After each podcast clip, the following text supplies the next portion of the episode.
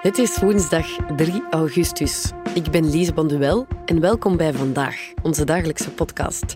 Net als vorige week brengen we ook deze week een iets wat andere Vandaag. We brengen u het beste van het afgelopen jaar uit ons weekblad. En vandaag hebben we het over moord. Niet moord aan zich, maar onze fascinatie ervoor. Op ons podcastfestival in april won de populaire misdaadpodcast De Volksjury bijvoorbeeld de publieksprijs. Want true crime, waar gebeurde moordverhalen, is geëvolueerd van een schmoedzig subgenre in onze cultuur naar een dominante populaire stroming ook op tv. Wat zegt dat over ons? Een reportage van Joost de Vries, gebracht door collega Alexander Lippenveld.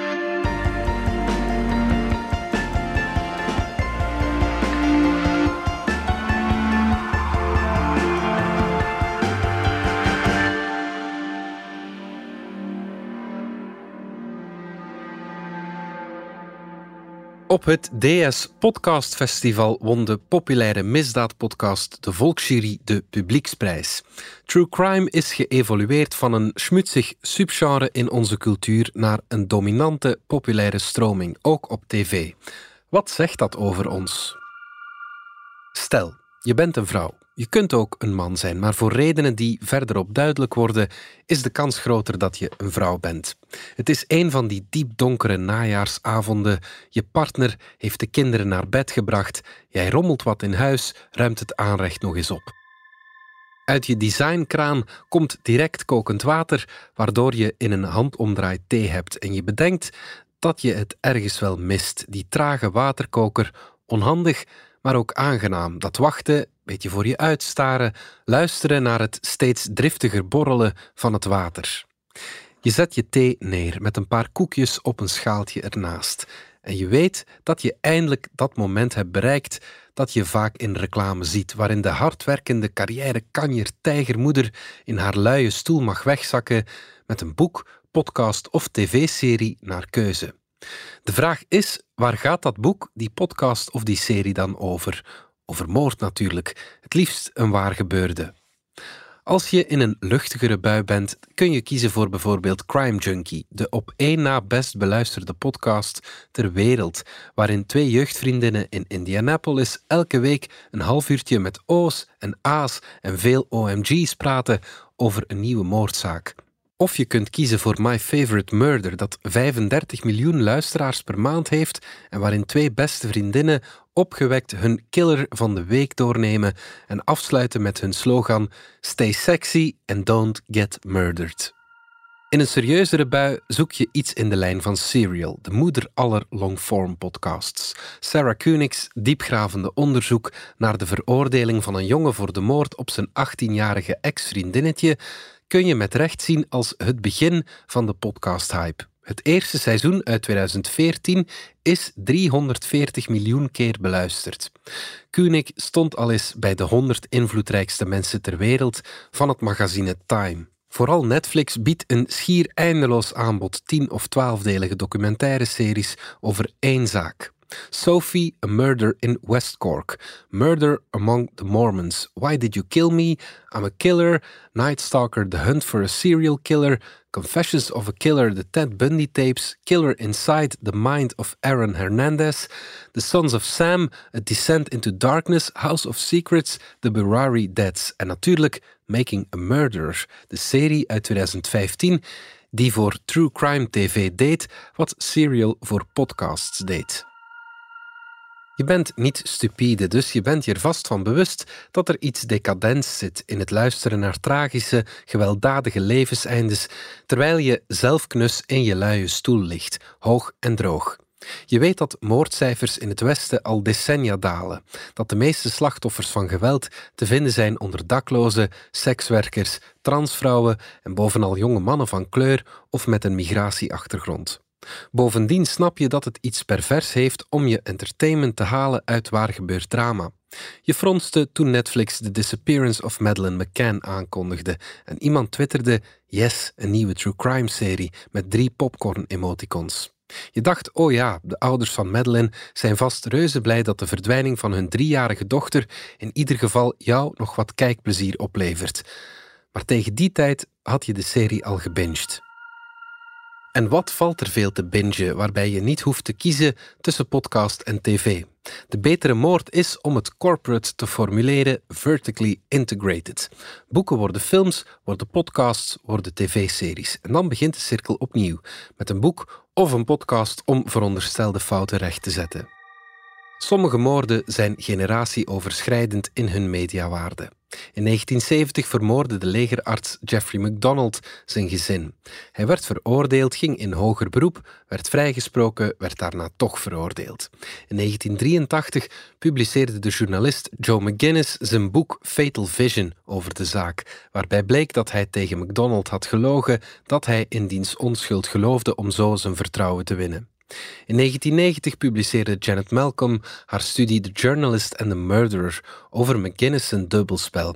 In 2012 publiceerde documentairemaker Errol Morris zijn weerlegging van Malcolm, A Wilderness of Error. In 2020 maakte het Amerikaanse tv-station FX een tv-serie en een podcast van A Wilderness of Error.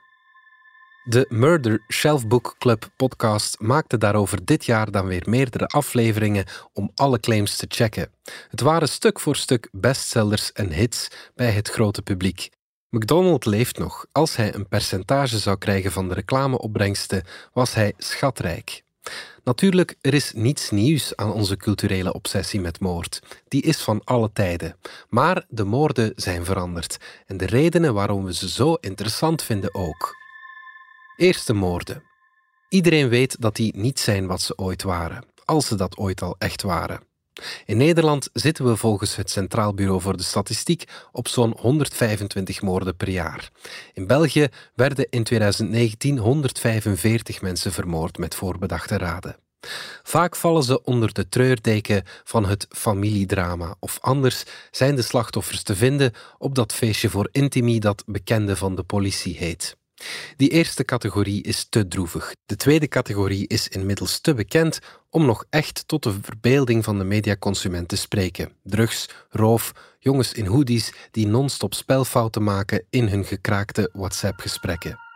Er is niets interessants aan de ingehuurde lafzak die Peter R. de Vries van achteren neerschoot. Er is daarentegen van alles interessants aan de vriend van de familie, de boekhouder, de paardenfokker of de jachtopziener die om onduidelijke reden de vrouw des huizes met de kandelaar in de bibliotheek om het leven brengt en er met een web van leugens mee weg probeert te komen. In feite maakte George Orwell dat punt al toen hij in 1946 schreef over The Decline of English Murder. Ooit was er, schreef hij, een great period in murder, our Elizabethan age, so to speak, die hij plaatste tussen ongeveer 1850 en 1925. Dat is niet voor niets het tijdvak dat de geboorte zag van onder meer Sherlock Holmes en Hercule Poirot. De cultuurfilosoof Thijs Leister beschreef die figuren eens als vooruitgeschoven pionnen van het vooruitgangsoptimisme van die tijd. Ze demonstreerden dat ratio, statistiek en wetenschap alle geheimen van de samenleving konden opbaren. Die tijd was voorbij, concludeerde Orwell. Te vaak draaiden moordzaken om nihilistische figuren die een toevallige voorbijganger vermoorden zonder te kunnen uitleggen waarom. There's no depth of feeling in it, schreef hij. Er viel voor de detectives niets te onthullen. Zonder dat hij dat zelf zo benoemde of doorhad, sprak Orwell als mediaconsument. De meest gehoorde verklaring waarom we van dat soort moordverhalen houden, is namelijk dat het de puurste vorm van een verhaal is, de helderste spanningsboog die we kunnen consumeren. Een daad, een onderzoek, een dader. Het kwaad manifesteert zich in een heldere context, probeert zich te verstoppen, maar aan het eind van de vertelling wordt het opgespoord en ingerekend. Boek uit, lekker slapen. De decennia daarna gaven Orwell gelijk. Het Cluedo-element in misdaadverhalen verdween. Een sensatiezucht kwam daarvoor terug. De true crime die vanaf de jaren 50 kwam opzetten, ging minder vaak over wie de moord pleegde en waarom, maar eerder over hoe, en vooral over hoeveel geweld en seks daarbij kwam kijken. Het is goed gedocumenteerd hoe de Charles Manson-moorden in de Verenigde Staten tot een welle in true crime kopij leidden, waarbij de combinatie hippiemeisjes, seks, moord, Satan tot een hele industrie uitgroeide. True crime werd het schmutzige hoekje in de kiosk van het tankstation naast de naaktblaadjes. Waarop verlekkerden we ons als we ons op een gedetailleerd beschreven moord verlekkerden? Een veelgehoorde verklaring is dat het ons in staat stelt geweld en angst te ervaren in een veilige omgeving. Wanneer we naar iets engs kijken, wordt ons vechten- of vluchten-instinct aangeraakt, waardoor onze hersenen het belonende gevoel krijgen dat we onze angsten overwinnen als we de film uitkijken. Een meer Freudiaanse uitleg is te vinden in de theorieën van de psychoanalytica Melanie Klein, die sprak over paranoïde schizoïde positie. Simpel uitgelegd is dat het idee dat we als kind de wereld strikt opdelen in goede en slechte objecten. En dat we, wanneer we opgroeien in Kleins woorden, leren de tegenstrijdige impulsen te verenigen, wat leidt tot een grotere synthese van goede en slechte kanten van het object. We leren de complexe ambiguïteit van de wereld te begrijpen, maar die vereniging kost moeite. Je moet er verschillende perspectieven voor kunnen bijeenhouden in je hoofd en dat lukt niet altijd. Soms willen we terugzakken in de heldere opdeling zwart en wit, kwaad en goed. Kijken naar moordenaars en hun slachtoffers geeft ons die luxe. Een meer Jungiaanse blik richt zich eerder naar het goed en kwaad in onszelf, het idee dat alles in potentie in onszelf zit. De handen waarmee je de kraan opendraait, zijn ook de handen waarmee je iemand de nek omdraait. We moeten ons op de een of andere manier verhouden tot onze eigen duistere potentie, onze schaduw, en via het kijken naar moordenaars zijn we op een sociaal aanvaarde, veilige manier in gesprek met onze eigen moordlustige neigingen. We gebruiken de moordserie dan als een object waarmee we onze eigen lusten op een indirecte manier bevredigen. Zoiets. Op dat gebied gebeurde halverwege de jaren 90 iets wat true crime weer in een ander daglicht stelde.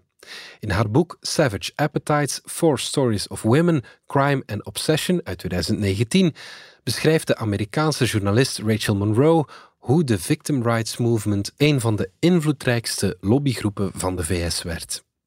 Die beweging was een raar samengaan van feministen en conservatieven. De feministen vonden dat de stemmen van vrouwen die waren verkracht of aangevallen niet genoeg meewogen in de rechtspraak en dat hun verhaal gehoord moest worden. De conservatieve politici vonden dat de rechtspraak onder president Clinton te veel aandacht besteedde aan de rechten van daders en wilden simpelweg zwaardere straffen. De lobbybeweging legde in de media de focus op het arme, onschuldige slachtoffer. Daarin speelden ze bewust of onbewust in op latente vooroordelen, door niet zozeer de aandacht te besteden aan zwarte mannen uit lage inkomensgroepen, de demografische groep die de grootste kans heeft met geweld in aanraking te komen, als wel aan witte vrouwen, type vrolijke paardenstaart, ik heb het hele leven nog voor me, die door onbekenden iets werd aangedaan en die statistisch de kleinste kans hadden om geweld te ervaren. De empathie met zo'n slachtoffer werd een wapen. Wat de beweging heel slim deed, schrijft Monroe, is dat ze het begrip slachtoffer transformeerde. Zoals Ronald Reagan zei in zijn State of the Union van 1985, toen hij zijn zorgen over misdaad uitsprak: One does not have to be attacked to be a victim. Iedereen die zich onveilig waande, die misdaad vreesde, zich ongemakkelijk voelde op straat, telde als slachtoffer. De media volgden dat narratief, gingen steeds meer aandacht aan slachtoffers besteden, waardoor in elke reportage over een moord een impliciete boodschap kwam te zitten. Dit zou jij kunnen zijn. Het bekende gevolg, schrijft Monroe, was dat hoewel misdaadcijfers over de volle linie achteruit gingen, mensen zich tegelijkertijd steeds onveiliger gingen voelen. En het had nog een gevolg. De consument van true crime veranderde. Opeens werd het een genre voor vrouwen. De cijfers laten daarover geen misverstand bestaan. Van Serial bijvoorbeeld is ongeveer 80% van de luisteraars vrouw. Een Amerikaanse studie uit 2018 schatte het aandeel vrouwelijke luisteraars van True Crime op 73%. Volgens Amazon wordt 70% van de True Crime boeken door vrouwen gekocht. Theorie 1 is MeToo. Die beweging begon in het najaar van 2017 en liet zien hoeveel vreselijke verhalen van agressie en seksueel geweld vrouwen al jaren onderdrukten en hoe mannelijke dominantie in stand werd gehouden door stilzwijgen. De true crime gaat er vaak prat op dat ze dat stilzwijgen doorbreekt en roept in het van de Victim Rights Movement geleende jargon: het slachtoffer een stem willen geven, ook al is dat vanuit het graf. Theorie 2 is sublimatie. Kijken of luisteren naar gruwel stelt je in staat het allerergste mentaal voor te stellen. Als een manier om je angsten misschien niet te overwinnen, maar dan toch even af te reageren. Zoals de Amerikaanse schrijver P.E. Moskowitz schreef op de site van het linksprogressieve Mother Jones. True crime staat ons toe om collectief iets te voelen dat we zelden in het openbaar kunnen bespreken. Men are fucking scary. De wereld is fucking scary en we staan volledig in ons recht fucking bang te zijn. Moskowitz kwam met nog een eigen theorie waarom true crime zo populair is onder vrouwen. Het werkt troostend. Zelf kon ze maar niet uit haar hoofd krijgen hoe in 2017 op een paar meter van haar vandaan in Charlottesville, Virginia, een witte racist op een groep antiracisme mededemonstranten inrijdt. Luisteren naar andere vrouwen die vreselijke gruweldaden waren overkomen, zoals aanranding, de dood van hun moeders zussen, dochters, die leerden haar dat ook zij misschien haar ervaringen en trauma's achter zich kon laten. Hier zit een ironie in als je goed kijkt. Dat vrouwen zich minder veilig zijn gaan voelen doordat zoveel true crime op vrouwelijke slachtoffers is gaan inzoomen en dat ze vervolgens true crime gebruiken om die onveiligheid te sublimeren. Dat is in feite een prent van Escher. Omdat vrouwen zich onveilig gaan voelen, gaan ze meer true crime kijken, waardoor ze zich weer onveiliger voelen, waardoor ze meer true crime gaan kijken. Er is ook nog een andere theorie die niemand bevalt, maar die daarom niet minder relevant is. Dit komt uit een onderzoek uit 1986, waarin een groep wetenschappers tientallen man-vrouw stelletjes naar enge films lieten kijken. De vrouwen gaven aan dat ze hun kijkervaring veruit het leukst vonden als ze mochten schrikken en schreeuwen en hun mannelijke partner stoer stoïcijns bleef. Vrouw is bang, man is sterk. Zij schrikt, hij stelt haar gerust. Daarin vinden ze elkaar in het donker van de bioscoop. Deze gendervaste rolverdeling leidde tot wat ook wel de knuffeltheorie werd genoemd. Het is een impopulaire theorie, omdat de conclusie niet bepaald feministisch is en het man-vrouw onderzoek vanzelfsprekend cis-hetero-biased is. Het is echter ook een onderzoek dat sinds de jaren 80 een paar keer is herhaald en steeds soortgelijke resultaten opleverde. Je zou het ook nog meer gendered kunnen benaderen en zeggen dat niet alleen het kijken naar true crime een als aangenaam ervaren rolverdeling geeft, maar ook de true crime zelf. Daar zijn vrouwen altijd slachtoffer, nooit de dader, nooit handelingsbekwaam, nooit de burger die iets moet oplossen, maar altijd het prinsesje in de toren dat wacht om gered te worden. Rachel Monroe maakt er een punt van dat overal waar ze komt voor haar true crime onderzoek ze hoog opgeleide witte vrouwen aantreft, de demografische groep die de kleinste kans heeft iets te overkomen. Maar zoals Reagan al zei, als je niet aangevallen hoeft te zijn om je een slachtoffer te voelen, dan is de true crime hype een vrijbrief om je wat narcistisch in de slachtoffercultuur te wentelen.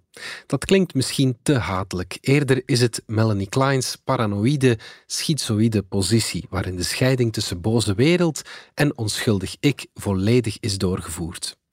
Het kan ook simpelweg zijn dat vrouwen een uitmuntende smaak hebben.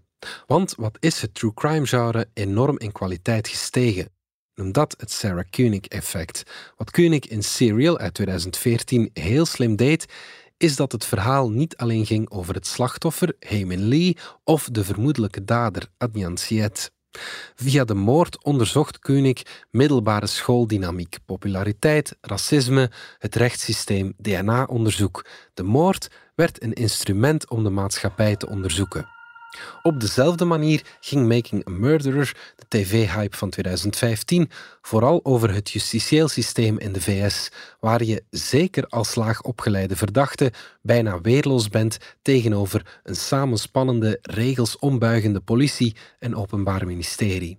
In de bekendste scène krijgt de kijker beelden te zien van het verhoor van een suffe, laagbegaafde 16-jarige verdachte die zo hardhandig onder druk gezet wordt en gemanipuleerd door de detectives dat hij maar toegeeft om er vanaf te zijn, zo lijkt het toch.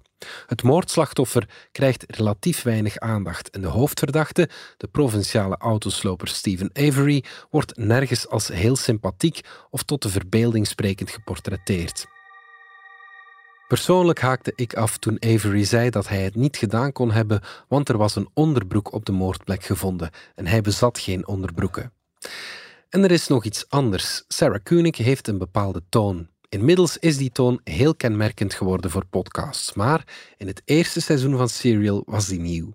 Het is de ik weet het niet, let's find out toon. Koenig spreekt haar luisteraar nooit aan vanuit een hiërarchische positie als alleswetende expert, maar als gewoon Sarah, een journaliste die iets niet begrijpt en de luisteraar meeneemt in haar onderzoek. Die doorbreking van de hiërarchie tussen expert en leek is een tweesnijdend zwaard. Aan de ene kant zegt het iets over de democratisering van de media. Namelijk dat elke enthousiasteling met een internetverbinding en een microfoon een podcast kan beginnen. Aan de andere kant illustreert het dat geen feit heilig is, dat geen uitspraak van een rechter of een onderzoeker zonder meer wordt geaccepteerd. Dat laat true crime in een tijdperk passen waarin vertrouwen in justitie klein is en waarbij zo vaak wordt verondersteld dat het hele verhaal niet door de autoriteiten wordt gedeeld. Het illustreert ook dat geen moordverhaal ooit echt af is, wat weer haak staat op de theorie dat niets zo'n heldere spanningsboog heeft als het klassieke moordverhaal. Opvallend veel van de podcasts en series gaan juist over onopgeloste moorden of moorden waarbij de veroordeelde altijd is blijven ontkennen, waar het bewijsmateriaal zichzelf tegenspreekt, waardoor de mogelijkheid bestaat dat de verkeerde man vastzit en de killer vrij rondloopt. Dat kun je als sensationeel zien, omdat het mysterie overeind blijft. Je zou ook kunnen zeggen dat de aantrekkingskracht van true crime tegenstrijdig genoeg juist de ambiguïteit is. We leven in een wereld die steeds groter, complexer is geworden, steeds diverser, meer geglobaliseerd, er zijn steeds grotere kloven tussen groepen, wetenschap is geen heilig bastion meer, journalistiek wordt steeds meer als gekleurd gezien. Niemand durft nog te zeggen het geheel te overzien. Het is niet de concrete moordenaar die ons angst inboezemt, maar juist het abstracte gevaar van de onoverzichtelijkheid van de wereld. De misdaadjournalisten, professionele documentairemakers of hobbyist-podcasters zijn niet meer de vooruitgeschoven pionnen van het vooruitgangsoptimisme, zoals Holmes en Poirot, die iets feitelijk kunnen verklaren, maar ze zijn de satellieten die het duistere universum van vaagheid zijn ingestuurd. Het slachtoffer bevindt zich in de donkerte. De dader is de enige die het echt weet. We zijn jaloers op zijn weten.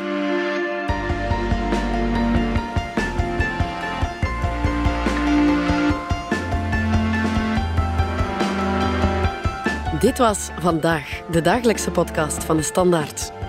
Bedankt voor het luisteren. Alle credits van de podcast die je net hoorde vind je op standaard.be-podcast. Reageren kan via podcast.standaard.be. Morgen zijn we opnieuw.